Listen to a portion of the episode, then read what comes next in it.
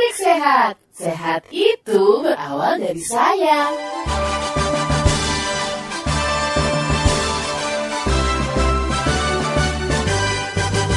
Gerakan masyarakat hidup sehat, bugar dan bermanfaat. Berpikir positif, hidup produktif untuk kesehatan kita. Rajin olahraga, konsumsi gizi seimbang, rutin cek kesehatan. Selalu pelihara kebersihan demi Indonesia sehat. Ayo mulailah hidup sehat, awali dari kita. Selalu berkarya, terus semangat sehat.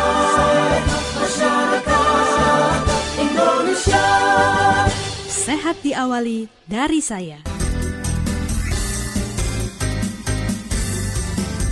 Assalamualaikum warahmatullahi wabarakatuh Alhamdulillah ketemu hari Selasa lagi Saatnya kita di acara Rubrik Sehat Kerjasama dari Suara Edukasi Pustekom Bersama Puskesmas Kecamatan Cilincing Halo apa kabar dokter? Alhamdulillah kabar baik. Bu. Nah kita kenalan sama satu narasumber baru lagi ya Yang baru ketemu hari ini ya dokter ya Iya betul sekali. Bersama dokter Madinatul Munawarah Iya panggilannya Dokter Madina aja. Iya deh Madinah aja nih mudah-mudahan semuanya ketularan sampai ke Madinah. Amin. Al Munawarah. Keren banget dikasih namanya Madinatul Munawarah ya, Iya. dokter. Nah, satu lagi ada juga narasumbernya. Ini seorang ibu, Ibu Kartis ya. Eh, mohon maaf, Cartis. Oh, eh, C-nya dibaca C ya. Ya, Bukan calon artis kan? Ibu. Namanya unik banget, Bu. Ibu dari mana asalnya, Bu? Eh, ya assalamualaikum warahmatullahi wabarakatuh. Waalaikumsalam warahmatullah. Aslinya dari barat, Ah, pantes. barat Jawa maksudnya. orang barat ya namanya tuh agak chartis gimana gitu ya ya keren namanya bu jadi mudah diingat nggak ada yang nyamain ya bu ya selama ini ada sih. oh ada ada ya Mungkin Oke. kalau di Cilincing nggak ada, tapi di, di kampung saya masih ada. oh berarti ini nama yang populer ya di kampung ibu ya Iya betul. kalau saya baru sekali dengar nama ini luar biasa ini nama-nama narasumber hari ini sepertinya udah diingat dokter hari ini Ya. kita mau berbicara tentang apa nih dokter Madina Hari ini karena berhubungan dengan Hari Kesehatan Lansia ya. kapan tuh dok Hari Kesehatan Lansia itu tanggal 29 Mei setiap tahunnya. 29 Mei Ya, baru betul. tahu.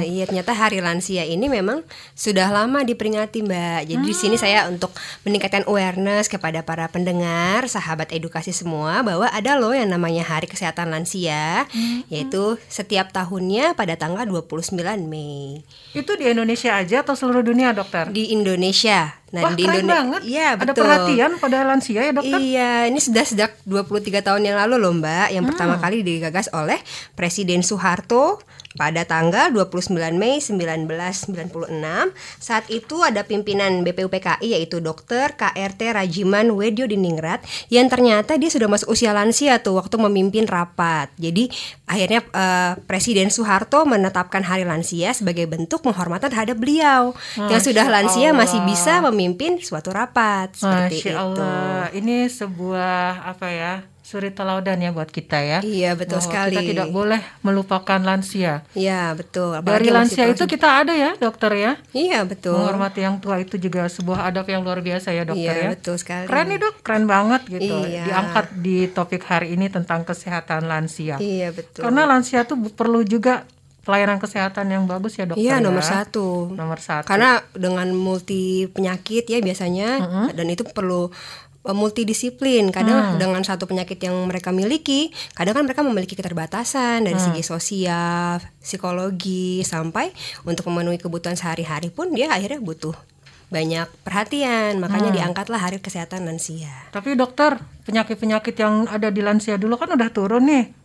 Ke umur yang Iya, makin banyak yang Jadi muda masuk ya. lansia juga nggak dokter? Sebenarnya ada kategori juga pralansia dan lansia ya berdasarkan eh, Kemenkes. Kalau lansia itu sendiri kan 60 tahun ke atas. Oke, kalau yang pralansia itu 45 sampai 59. Nah, makanya kenapa yang pralansia ini pun perlu perhatian untuk lebih sering mengecek kesehatannya gitu. Untuk Oke. mencegah terjadinya penyakit di kemudian hari. Iya, saya sekarang ke Bu Chartis. Bu Chartis merasa sekarang sudah lansia atau pralansia atau masih ABG? Eh, kalau lihat usia sih sudah masuk pralansia, tapi saya masih merasa ABG aja sih. Artinya semangat muda ya Bu. iya dong, umur boleh umur boleh masuk pralansia, tapi semangat jangan kalah sama yang Nah ABG. itu dia ya, bisa jadi kita kalah nih gitu kan, karena ibu selalu menjaga kesehatan luar biasa ya Bu ya. Bu Chartis sendiri sebagai orang yang mengaku nih kalau dari usia masuk pralansia, sudah mulai ada keluhan-keluhan apa belum Bu? Eh, Secara kalau kesehatan. keluhan-keluhan mungkin eh, pastinya ada, tapi ya kita anggap enjoy aja lah gitu. Karena mungkin ibu juga tahu ya, kira-kira harus bagaimana begitu ya merawat kesehatan di usia ini gitu ya Bu. Iya, yang penting kita eh, kita buat happy, kita eh, lupakan itu rasa-rasa yang membuat kita oh ternyata ini mungkin udah gejala lansia ya gitu. Sudah mulai pegal-pegal pasti ada gitu. Beda dengan waktu masih muda. Kalau masih muda mau berdiri, mau jongkok, mau posisi apa pun kita pasti eh, langsung oh langsung enak ya. Tapi sekarang pasti ada kaku-kaku sedikit gitu. Kalau mau Makanya sholat, saya mau iya sujud itu pelan-pelan. Sakit lutut biasanya Bu ya. Sakit lutut dari belum? Eh, belum sih. Belum. Alhamdulillah. Mungkin apa, apa karena nggak dirasa? Karena saya memang suka Olahraga, olahraga aktif juga. olahraga. Olahraganya apa, Bu Chartis? tuh. Yang pasti jalan kaki dan saya suka ikut Senam ya. senam sama volley.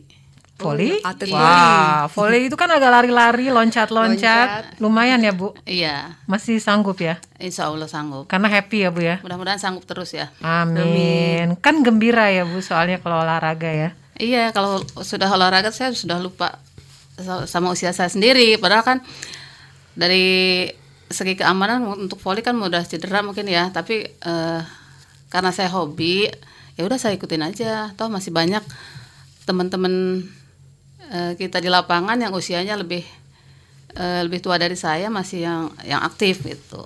Nah, itu bagaimana tuh Dokter Madina? Ah, ini Bu Chartis seneng voli dan hatinya jadi gembira. Tapi kalau dari sisi medis itu disarankan atau bagaimana? Oh iya sangat disarankan pastinya Mbak. Nggak apa-apa ya main volley ya? Betul. Apalagi kalau untuk lansia yang belum ada keluhan, belum ada penyakit di persendiannya, terutama sendi-sendi lutut ya, sendi pinggang itu kan sendi utama yang menopang berat badan gitu. Ketika tidak ada masalah, justru sangat dianjurkan untuk olahraga.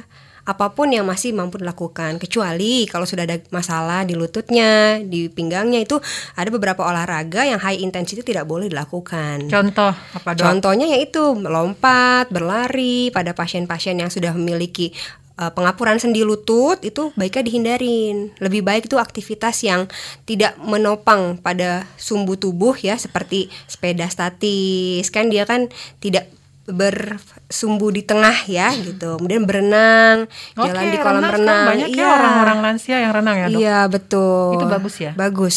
Padahal saya pikir renang itu olahraga yang beresiko dokter. Tidak, selama dia tidak punya alergi ya itu tidak apa-apa karena berenang sendiri pun terutama kalau yang pada pasien dengan masalah di lutut ya misalnya itu berenangnya tidak harus dengan gaya swimming seperti biasa, cukup dengan berjalan di kolam renang selama setengah jam.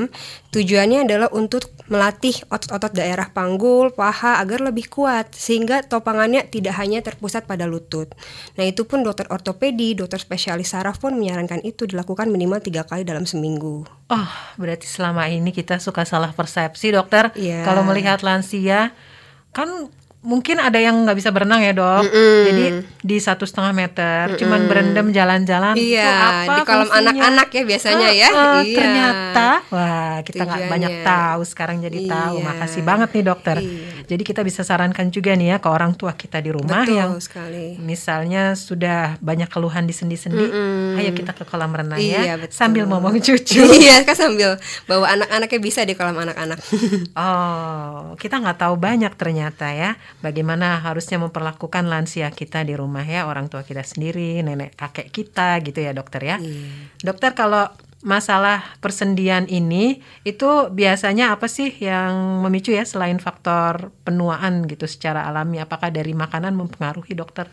Kalau masalah sendi yang utama karena kita bicara lansia yaitu kan berarti penyakit degeneratif atau penyakit yang muncul karena penuaan fungsi dari uh, organ persendian ya. Itu yang paling sering memang terjadi karena faktor usia ya, seiring bertambahnya usia jadi antara tulang kedua sendi itu saling bergesek ya. Ketika dia bergesek nanti uh, ada muncul satu apa ya? Nyeri ya dok? nyeri dan penambahan cairan sendi gitu. Nah, ditambah dengan bobot berat badan yang berlebih gitu. Makanya kenapa pasien lansia yang sudah memiliki masalah di persendian pasti dianjurkan jangan sampai naik berat badannya, Bu. Diusahakan turunkan berat badan atau pertahankan setidaknya. Karena ketika makin naik berat badannya makin menopang, justru makin Berat ya, bergesekan tulangnya, betul. Kemudian juga lansia yang dulunya ada riwayat olahraga rutin, atlet misalnya, riwayat cedera, cedera berulang pada lututnya. Itu nanti meningkatkan resiko saat eh, lanjut usia dia akan mengalami eh, artritis atau eh, suatu pengapuran pada sendi, baik di lutut, baik di ankle atau di bagian eh, lumbal ya, itu eh, punggung bagian bawah. Seperti Nah, itu. lansia kan berbeda-beda kebiasaan juga ya dokter. Ada yang aktif, sukanya tuh bekerja keras, dorong-dorong, angkat-angkat benda yang berat.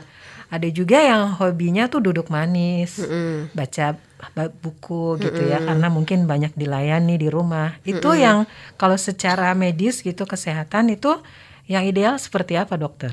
Yang ideal adalah lansia yang aktif Aktif ya? Ya betul. Yang yang selagi dia masih bisa beraktivitas, kalau dia memang rajin bersih bersih, misalnya nyapu, ngepel, sekedar mengantarkan cucu ke sekolah, gitu, sekedar jalan pagi habis subuh, itu lebih dianjurkan daripada hanya di rumah melihat cucunya saja diasuh oleh apa PRT gitu. Itu kan gerakan yang pasif ya. Itu justru tidak merangsang otot tubuhnya untuk bergerak. Justru nanti yang sering timbul keluhan adalah, aduh saya kok pegel-pegel, padahal cuma ngeliatin cucu aja karena badannya justru tidak dibawa bergerak seperti itu. Hmm, Kalau pengalamannya Bu Cartis bagaimana nih Bu? Ibu termasuk yang mana?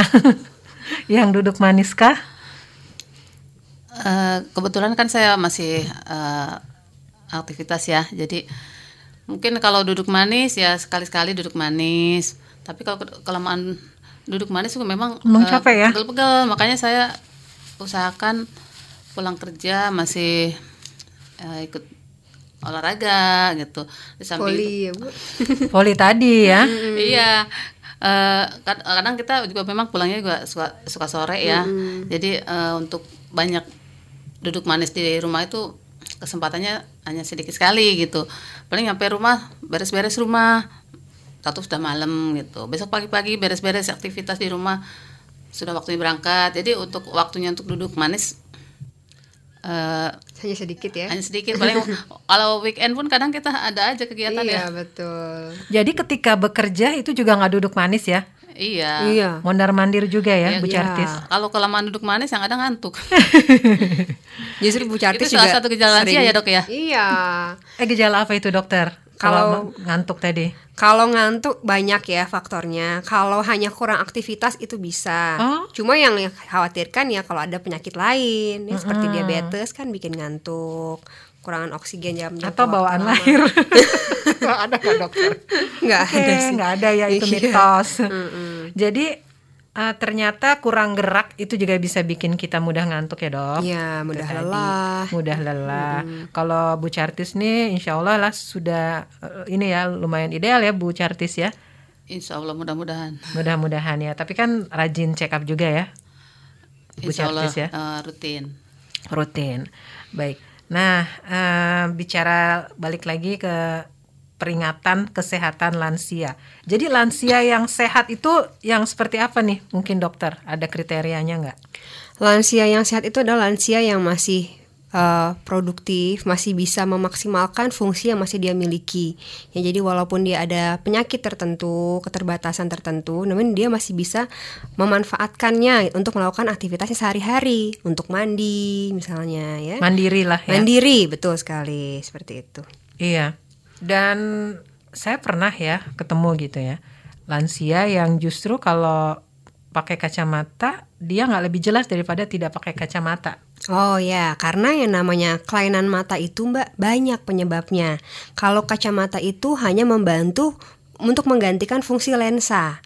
Lensa itu kan jadi mata kan ada lapisan-lapisannya ya dari kornea, kemudian pupil, kemudian lensa sampai ke retina. Ketika lansia itu menggunakan kacamata dan terbantu, berarti artinya dia hanya gangguan pada daerah daerah yang pusat jatuhnya cahaya dan bayangan.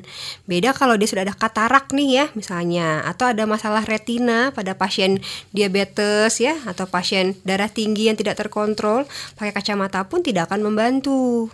Seperti itu. Tapi masalah mata ini banyak ya pasti dialami oleh Oh lansia banyak ya, sekali. ya. Rata-rata pasien kecamatan Cilincing itu keluhannya pasti mata. Di mata ya dokter ya. Iya.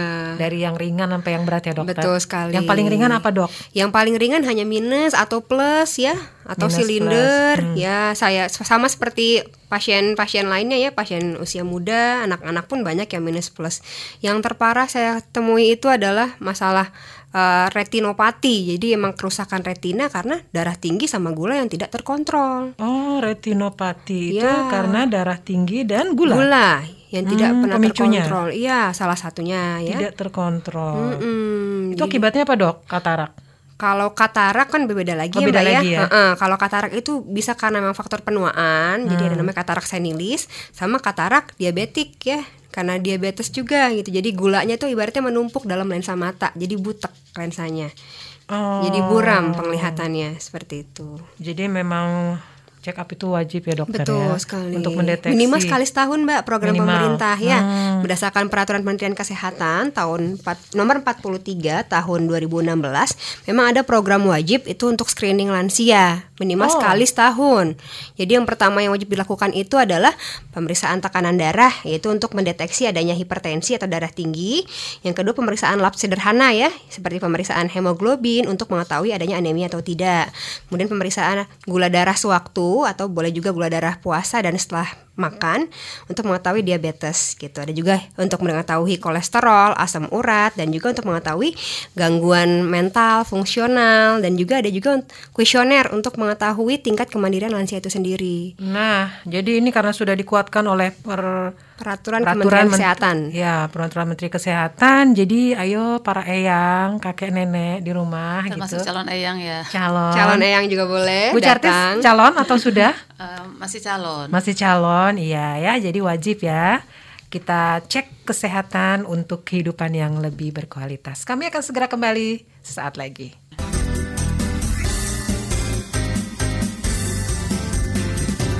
Masih dari Geraha Media Pustekom 1440 AM Suara Edukasi yang akrab dan mencerdaskan bisa didengarkan juga melalui streaming online dengan alamat suaraedukasi.kemdikbud.go.id. Kita kembali lagi ya di segmen kali ini di tema kesehatan lansia nih dalam rangka memperingati Hari Kesehatan Lansia. Tanggal berapa dokter? Tanggal 29 Mei. Tanggal 29 Mei ya diperingatinya di Indonesia. Ini luar biasa. Saya selaku masyarakat ini mengapresiasi sekali. Insya Allah yang lain juga. Dokter tadi sudah sempat menyinggung ini ya dokter ya. Hari Kesehatan Lansia. Hari Kesehatan Lansia. Iya.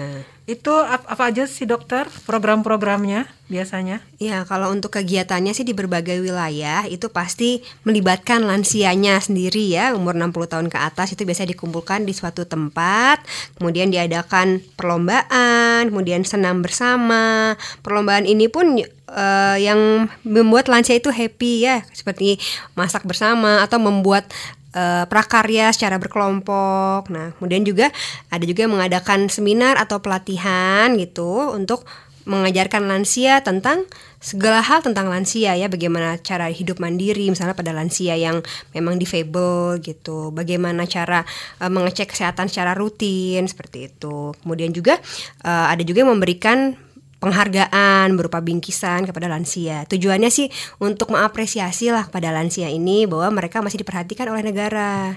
Itu yang menggagas biasanya puskesmas puskesmas begitu dok. Ya, tidak hanya puskesmas sih, banyak, Oh, banyak juga ya? heeh, dari kalangan umum banyak pula yang mengadakan Hari Kesehatan Lansia. Ayo kita setiap saat eh, ikutan gitu ya, Iya. meramaikan Hari Kesehatan Lansia.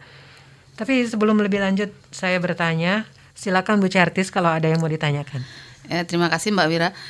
Eh, ini dok, eh, untuk yang lansia ini terutama kita perempuan ya, kan ada namanya istilah eh, menopause.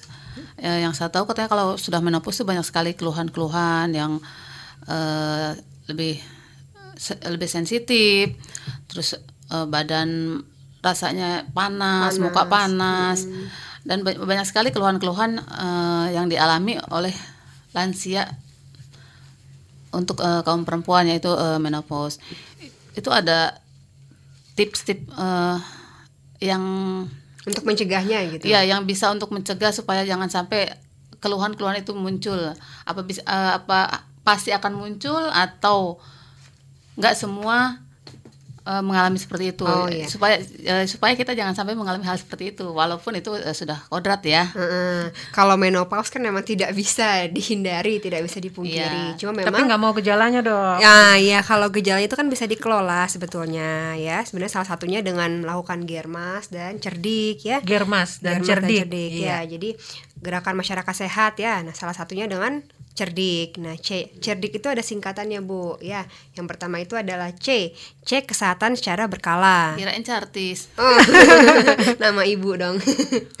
nah, kemudian setelah C ada E. E itu adalah enyahkan asap rokok. Jadi sebisa mungkin memang para lansia mau menghindari ya asap rokok baik sebagai perokok aktif maupun perokok pasif. Yang kemudian yang R adalah rajin olahraga. Olahraga yang dianjurkan itu Bu minimal 150 menit dalam seminggu. Artinya gimana baginya dok? Jadi minimal nih kalau kita gunakan tiga kali dalam seminggu. Nanti berarti per sesinya itu minimal 50 menit gitu. Atau kalau bagusnya juga dibagi dalam lima kali per minggu, per sesinya 30 menit. Nah, itu dianjurkan eh, jalan aja kalau lansi kalau yang pralansia atau yang sudah lansia, cukup dengan jalan kaki rutin setiap pagi asalkan dia eh, minimal 150 menit itu cukup untuk eh, menjaga kesehatan dan vitalitasnya gitu. Kemudian diet seimbang ya yang rendah lemak, tinggi serat, tinggi protein, rendah garam ya. Itu juga baik. Kemudian istirahat cukup minimal 6 sampai 8 jam per hari dan juga kelola stres ibu-ibu.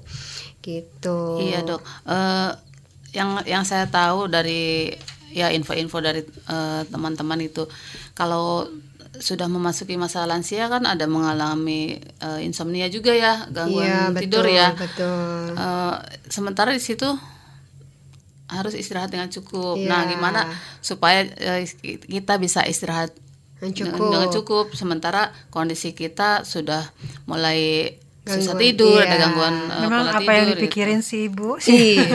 Banyak cucu ya. Belum punya cucu. Oh iya, tapi memang itu salah satu yang paling sering dikeluhkan sih oleh pasien lansia. Nggak bisa tidur dok, boleh nggak minta obat tidur. Nah, jangan salah kaprah bahwa obat tidur itu bukan obat bebas ya yang dijual di apotik atau di puskesmas. Kami pun tidak memiliki obat tidur. Karena kenapa? Obat tidur itu bekerjanya langsung di sentral di otak. Bahaya dong, Dok. Bahaya, memiliki efek samping. Salah satunya ada yang sampai bikin depresi pernafasan atau malah jadi nafasnya awalnya melambat, melambat malah tidak bernafas gitu. Makanya Oh. kenapa obat tidur itu sangat tidak dianjurkan gitu. Jadi gimana cara mengelolanya? Yang pertama adalah sleep hygiene ada istilahnya. Jadi itu kita sebelum tidur kita harus menjaga dalam tanda kutip kebersihan sebelum tidur. Tapi dengan cara apa? Yang pertama, eh, makan terakhir itu maksimal 3 jam sebelum tidur. Baik cemilan, minuman yang terlalu bergas atau makanan berat itu maksimal 3 jam sebelum tidur. Aktivitas juga yang seperti beres-beres itu baiknya di stop 3 jam sebelum tidur. Kemudian untuk eh, cahaya TV, laptop, handphone itu harus kita jauhkan ketika kita menjelang tidur. Karena ternyata dari TV, laptop, handphone itu ada kandungan Radiasi? blue light ya Oh, yang dia light. mengganggu sistem hormonal sehingga bikin nggak bisa tidur. Dan jangan lupa hindari kafein. Dan kafein tidak hanya terdapat pada kopi ya, di teh juga ada walaupun lebih sedikit. Teh, kopi, coklat itu ada kafeinnya. Jadi baiknya dihindari menjelang waktu tidur. Nah, kalau sudah seperti ini, eh, bisa juga dihindari tidur di siang hari misalnya. Karena sebenarnya tidur yang berkualitas itu adalah tidur yang cukup di malam hari. Walaupun misalnya nih malam cuma tidur 2 jam, tapi siang tidurnya 6 jam, kan 8 jam juga dok. Tapi tidak bisa dikatakan tidur berkualitas karena secara sistem kita memang eh, malam hari itu eh, simpatis kita tuh lebih merendahkan. Jadi lebih baik untuk tidur di malam hari dibandingkan beraktivitas di malam hari. Memang disediakan malam untuk Iya, tidur untuk ya dokter. tidur betul sekali. Ini tidak hanya untuk lansia ya, untuk semua yang usia produktif pun gitu. Memang lebih baik tidur berkualitas itu malam hari seperti itu. Jadi mas, sekarang masih ada keluhan sulit tidur, Bu Chartis. Kalau sekarang saya sih belum mengalami sulit tidur justru saya Menghindari ya. Meng- Maksudnya eh, kan eh, ada tuh eh, teman-teman yang sudah masuk ke lansia yang mengalami sulit tidur itu. Nah supaya sementara dari cerdik tadi kan Harus harus istirahat istirahat dengan cukup, cukup iya. gitu. Nah tadi kan sudah dikatakan harus gimana ti- tipsnya tipsnya supaya kita tidak mengalami gangguan tidur sudah disampaikan sama dokter. Salah Untuk satunya tadi iya harus menghindari eh, apa namanya Aktivitas. eh, aktivitas, Tiga jam ya? cahaya-cahaya dari gadget segala macam. Iya. Mungkin nanti kalau sudah masuk ke usia pensiun lebih baik kita Amalkan, Eh, terapkan. Tinggal di aktivitasnya desa. lebih banyak tinggal, tinggal di desa ya, lebih banyak berkebun ya. yang adem ya Yang Bu ya. adem, jauh dari keramaian kota mungkin itu ya. Salah satunya. Menciptakan desa di kota kalau enggak ya. Iya. Jadi rumah pada Dikasih tiga jam pohon. terakhir dibebaskan dari semua Hmm. radiasi. Kelola stres tadi juga ya dokter ya. Iya, salah satunya. Memang kalau sudah masuk usia lansia itu apakah memang secara alami biasanya kita lebih emosional atau yang memang tergantung masing-masing personal? tergantung masing-masing personal. Cuma memang beberapa ada beberapa sindrom sindrom yang muncul saat lanjut usia ketika dia sudah keterbatasan fisiknya. Apalagi yang tadinya aktif bekerja misalnya dia dulunya direktur atau manajer kemudian karena penyakit tertentu stroke misalnya akhirnya dia harus eh, retire atau berhenti nah itu ada namanya post power syndrome biasanya Jadi lebih stres ya lebih stres ya gampang sakit nah jadi emang harus bisa dikelola stres itu sendiri Ada tipsnya nggak dokter mengelola stres? Walaupun mungkin bagi yang mendengarkan belum masuk lans- lansia, tapi insya Allah kan nanti menuju ke sana. Mm-mm. Untuk mengelola stres itu sendiri banyak caranya ya. Salah satunya dengan melakukan kegiatan yang disukai. Kalau suka masak silahkan memasak, olahraga silahkan olahraga. Kemudian yang kedua bila ada masalah ceritakan kepada orang yang dapat dipercaya, yang dapat memberikan solusi. Jadi jangan hanya berdiam diri di kamar karena semakin kita murung, tidak bisa bercerita, tidak bisa mendapatkan alternatif penyelesaian masalah gitu. Yang ketiga ya eh, ikut pengajian atau kumpulan rohani yang bisa saling memperkuat dari segi agama. Yang tapi kalau yang eh, suka marah jangan jangan diikutin ya. Iya. Marah-marahnya. Kalau Bu Chartis kiatnya bagaimana mengelola stres? Eh, kiatnya kalau saya kebetulan orangnya suka eh, Ngobrol. su- suka humor ya. Eh, jadi di mana pun eh, dan siapa pun selalu saya ajak bercanda eh, walaupun kondisinya apa namanya lagi serius-seriusnya nih. Ih kok supaya nggak tegang nih. Udah kita eh, nyelutuk dikit. Boleh kan ya dok ya seperti itu ya. Guyon. Tapi lihat juga bu kalau lagi rapat Oh, hening. kalau lagi rapat penting ya maksudnya untuk supaya kita nggak nggak stres dan saya juga ikut-ikut Eh, mungkin kalau pengajian terbatas ya Eh, paling kita ikut eh, grup-grup sekarang kan zamannya ada grup WA ya nanti kita eh, kopi darat gitu di mana nah itu salah satu Oh, untuk iya, iya, untuk- perkumpulan ya, Bu, ya. perkumpulan ya paguyuban paguyuban apalah gitu yang penting kita bisa bisa happy di situ biasanya kita ketemu sesama pralansia atau sesama lansia akan eh, Saling sharing ya saling bu sharing keluhan-keluhannya. iya. jadi jangan kalau di rumah terus ya otomatis pastinya bosen justru. boring ya Iya betul. ya itulah salah satu eh, tips saya supaya Biar nggak eh, bosan bi- ya. biar nggak bosen biar nggak stres mungkin itu termasuk pengelolaan stres ya dok ya Betul, tapi hati-hati Bu peng- penggunaan gadget yang berlebih karena buka-buka grup WA nanti bikin insomnia. Oh, gitu ya, Dok, ya? Iya kan tadi sudah saya Iya, jadi sampaikan. ya, Dok, ya? Iya betul. Pokoknya stop tiga jam sebelum tidur Iya. ya. Dokter, sekarang penyakit apa saja sih dok yang biasanya muncul di kalangan usia lansia? Kalau berdasarkan riset kesehatan dasar tahun 2018 ya, hipertensi merupakan penyakit nomor satu terbanyak pada lansia. Gara-gara nggak bisa tidur itu kali ya dok? Salah satunya, cuma banyak faktor ya Banyak faktor ya, hipertensi, ya, karena merokok, alkohol, ya, kemudian diabetes bikin hipertensi juga. Kemudian yang kedua tadi artritis atau peradangan atau suatu uh, bukan pengeroposan tulang, pengapuran pada sendi. Nah, gitu. Kemudian ada juga stroke, ya, kemudian PPOK atau penyakit paru obstruktif kronis. Nah, ini terjadinya karena adanya riwayat paparan asap dalam waktu lama, terutama asap rokok ya kalau PPOK ini. Kemudian diabetes melitus atau sakit kencing manis atau sakit gula, kemudian kanker, kemudian penyakit jantung koroner yaitu uh, suatu yang biasa disebut dengan angin duduk ya. Nah, gitu. Kemudian batu ginjal, gagal jantung dan gagal ginjal. Seperti itu. Uh, apa yang mau ditanyakan untuk ini nih 10 penyakit terbanyak di kalangan lansia, Bu Certis? Ini yang sering saya penasaran ini, Dok. Uh, kan ada sakit sendi ya, uh, yang dikenal dengan artritis artritis tadi. Mm. Uh, apa bedanya dengan rematik dan apakah ada hubungannya uh, rematik itu dengan suka mandi malam. Oh ya, jadi kalau rematik istilah dalam medis itu rheumatoid arthritis. Jadi dia golongan artritis juga tuh. Jadi namanya artritis itu banyak jenis-jenisnya ya. Ada gout arthritis, osteoartritis, kemudian uh, rheumatoid arthritis, septic arthritis, kayak banyak lah jenisnya.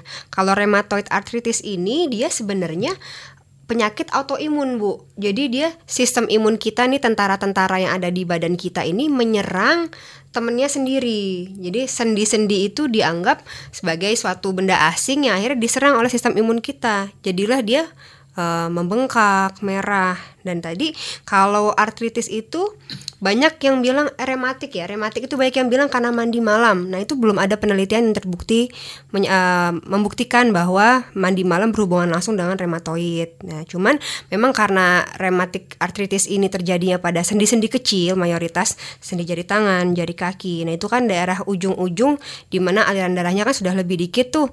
Nah kalau ditambah dengan mandi yang malam mungkin karena cuaca lebih dingin mungkin akan memperberat gejalanya. Cuma bukan berarti mandi malam rheumatoid arthritis itu sampai sekarang belum ada penelitian yang membuktikan seperti itu. Jadi aman ya dok ya, karena saya uh, sering sekali kan namanya kita pulang iya pulang kerja pulang ya sore, bu ya. pulang malam gitu. Mm -hmm. Kalau nggak mandi mau tidur rasanya nggak, kan nggak bisa tidur. Nanti yang ada insomnia gara-gara nggak iya. mandi. Gitu. Pakai air hangat aja iya kalau betul kayak air gitu. hangat boleh Kalau mandi pakai air hangat perasaan segernya nggak uh, sesegar kalau Oh, pakai gitu. air yang, yang biasa gitu ya. Eh, tapi kalau saya justru lebih enak air hangat bu tapi itu kan tergantung ya personal preference ya. Tapi yang jelas itu Nggak bikin ada hubungannya tidak dengan ada. rematik ya dok ya. iya. Oke dok. iya betul. Eh, jadi yang tadi penyakit artritis yang diakibatkan autoimun tuh memang uh, ada di diri orang itu sendiri ya dokter? Iya bisa dicegah ada ya? riwayat keluarga misalnya. Ini karena emang nggak bisa dicegah ya? Iya betul sekali. Kalau di puskesmas Cilincing sendiri kasus terbanyak untuk lansia penyakitnya apa aja dok Oh iya sama nomor satu hipertensi. Hipertensi tetap. Iya tetap. Kemudian yang kedua diabetes atau penyakit gula ya. Yang ketiga itu penyakit eh, tingginya kadar kolesterol atau dislipidemia istilahnya. Kemudian penyakit pegel-pegel nih yang pegel-pegelnya tidak spesifik nih di otot, kadang di tangannya pegel, kakinya pegel. Nah, kemudian ada juga ISPA ya berupa batuk pilek ya. Kemudian polusi eh, ya jangan-jangan ya dok Ya, salah satunya polusi udara cukup tinggi di daerah Cilincing. Kemudian ada juga dispepsia atau sakit mah. Kemudian tadi artritis pada sendi lutut. Kemudian peningkatan asam urat berlebih atau hiperurisemia sama penyakit jantung koroner dan penyakit jantung hipertensi. Ini yang tertinggi pada pasien lansia di Kecamatan Cilincing. Hmm, sedikit tentang asam urat Eh, itu pemicunya betul ya dok makan sayur-sayur mayur tertentu Iya betul. Jadi asam urat atau uric acid itu dia banyak eh, di pada sayuran hijau terutama ya, sayuran hijau, kemudian melinjo, ya kacang-kacangan gitu. Jadi memang kalau pada pasien yang lagi tinggi kadar asam uratnya sebaiknya dihindari dulu. padahal itu makanan-makanan sehat ya dokter Iya sebetulnya makanya nanti dianjurkannya untuk makan yang eh, sayur-sayuran yang warna orange ya, seperti eh, wortel, labu itu masih boleh.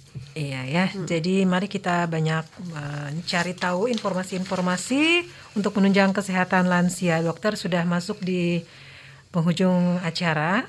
Apa mungkin yang bisa disimpulkan dokter dari pembicaraan hari ini? Ya, bahwa sebenarnya Hari Kesehatan Lansia itu diperingati setiap tanggal 29 Mei tiap tahunnya. Tujuannya adalah untuk meningkatkan awareness atau kesadaran masyarakat bahwa lansia kita itu perlu perhatian lebih, ya, perlu ada suatu eh, dukungan secara moral, kemudian dukungan untuk aktivitasnya dan dukungan untuk membantu ia untuk sampai kepada fasilitas kesehatan yang lebih baik gitu. Bahwa setiap lansia memiliki hak untuk mendapatkan pemeriksaan kesehatan minimal sekali setahun sesuai sudah saya sebutkan tadi. Ya, ini peringatan untuk ananda-ananda semua ya yang memiliki orang tua Betul masih sekali. panjang umur, memang harus diperhatikan, memang sudah haknya ya dokter ya. Betul sekali. Pemerintah sudah mensupport Betul. melalui kegiatan Hari Peringatan Lansia setiap tanggal 29 Mei. Nah, sudah sewajarnya lah ya. Iya. Ini menjadi perhatian utama kita. Terima kasih sekali lagi untuk Ibu Chartis yang sudah Ya, mewakili sama-sama. Terima kasih atas undangannya. Iya, mewakili Semoga, pralansia ya, semoga Bu. tetap sehat walaupun menjelang lansia. Iya, Iya, amin. amin. Lansia produktif, sehat, bahagia ya Bu ya. Iya. Kemudian juga ini hari ini dapat ilmu yang luar biasa dari Dokter Madani. Madinah. Eh, salah. Dari Dokter Madina. Iya. Lengkapnya Dokter Madinatul Munawaroh. Munawaroh. Semoga sampai ke sana. Amin ya rabbal alamin. Ya, alhamdulillah kita sudah diingatkan untuk mengingat orang tua kita kembali bahwa mereka punya hak untuk kita perhatikan Betul. Insya Allah kita mendapatkan lebih banyak keridoannya Amin. dan semuanya eh, juga meraih kebahagiaan ya. Terima kasih sudah boleh menjadi teman Anda hari ini di acara Rubrik Sehat bersama Puskesmas Cilincing. Sekali lagi terima kasih untuk Dokter Madina dan juga Ibu Chartis. Iya, Iya, Jangan sama-sama. kapok ya. Iya. Semoga, terima kasih. Iya, saya Hani mohon diri bersama rekan yang bertugas ada rekan Charlie, siswa dan juga produser Indro Yarno. Assalamualaikum warahmatullahi wabarakatuh. Waalaikumsalam warahmatullahi wabarakatuh. Rubrik sehat. Sehat itu berawal dari sayang.